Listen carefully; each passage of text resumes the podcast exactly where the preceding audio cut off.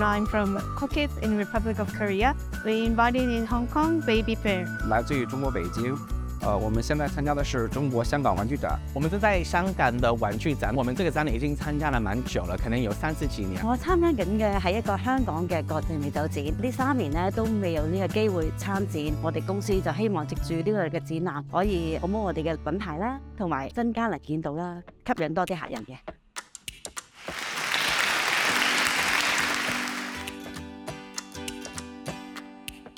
香港作为一个国际性的大都会，它贸易自由、资金自由、人员进出自由，它是一个很好的一个平台。而且紧邻大陆的生产基地，我们可以利用香港这个平台呢，找到很好的一个国际买家。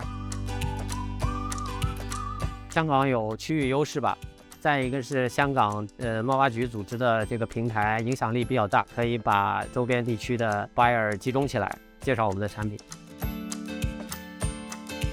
香港其實都係喺呢個亞洲嘅中心啦，咁而呢一個香港嘅發展局嘅玩具展咧，其實咧係全球有名嘅，咁係好成功可以吸引到好多亞洲嘅買家係嚟到香港，咁嚟到呢個現場去睇翻我哋啲產品嘅。我哋通過呢個展會，會識到更加多優質嘅客户，嚟自韓國啊、日本啊呢啲嘅客户。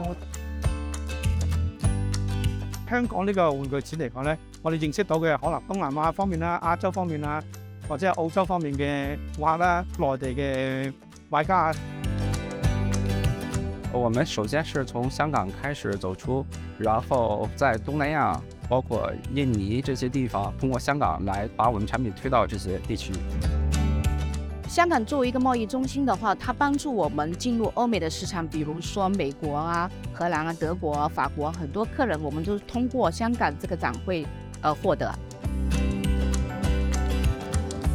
因为疫情的关系，有人还是有一点担心，不愿意出差。反正很多这些大的客人，他们香港一定有办事处，跟一些香港的贸易商有合作，所以我想，OK，好，那我们就针对这些的贸易商，这些的客人。being here is the best way to enter this Asian market.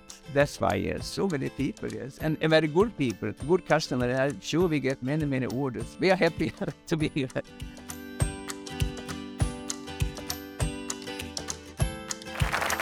Tôi 得咗呢個 TDC 方面啦，有 One to One Match 嘅功能啦，亦都會喺海外篩選啲適合我哋嘅買家，同我哋做一個配對，帶到會場呢度啦，大家去面對面去傾下偈啊，了解下做多啲生意咁樣啦。I'm looking for new toys that are unique uh, that I can bring back to my market in South Africa. Hong Kong has a broad global sourcing event, more exposure to new brands, new product, and it's the hub of, of manufacturing in the world. I really like it. It's pretty big, but it's also easy to use and lots of space and good product. You can see all the suppliers. You meet in one place with all suppliers. You see all the items in one place. It's very helpful. We r e going to spend a lot of time。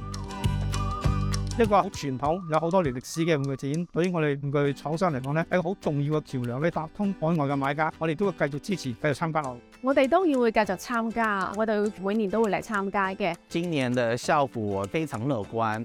那明年嘅話，當然还會再参加，因為我一直持續會支持这個 show。